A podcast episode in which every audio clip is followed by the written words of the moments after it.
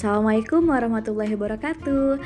Halo teman-teman, selamat datang di podcast cerita Mamias Bersama saya Sarah Fozia, seorang ibu rumah tangga dengan satu orang anak yaitu Yasmin Fatiatur Rahmah Mandala Putri.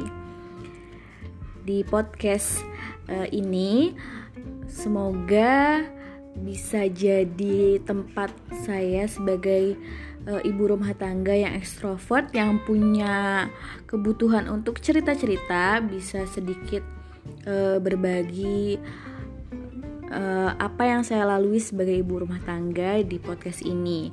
Semoga kita sama-sama saling belajar ya, saling support. Uh, ditunggu uh, saran-sarannya. Kira-kira kita mau bahas apa nih di sini?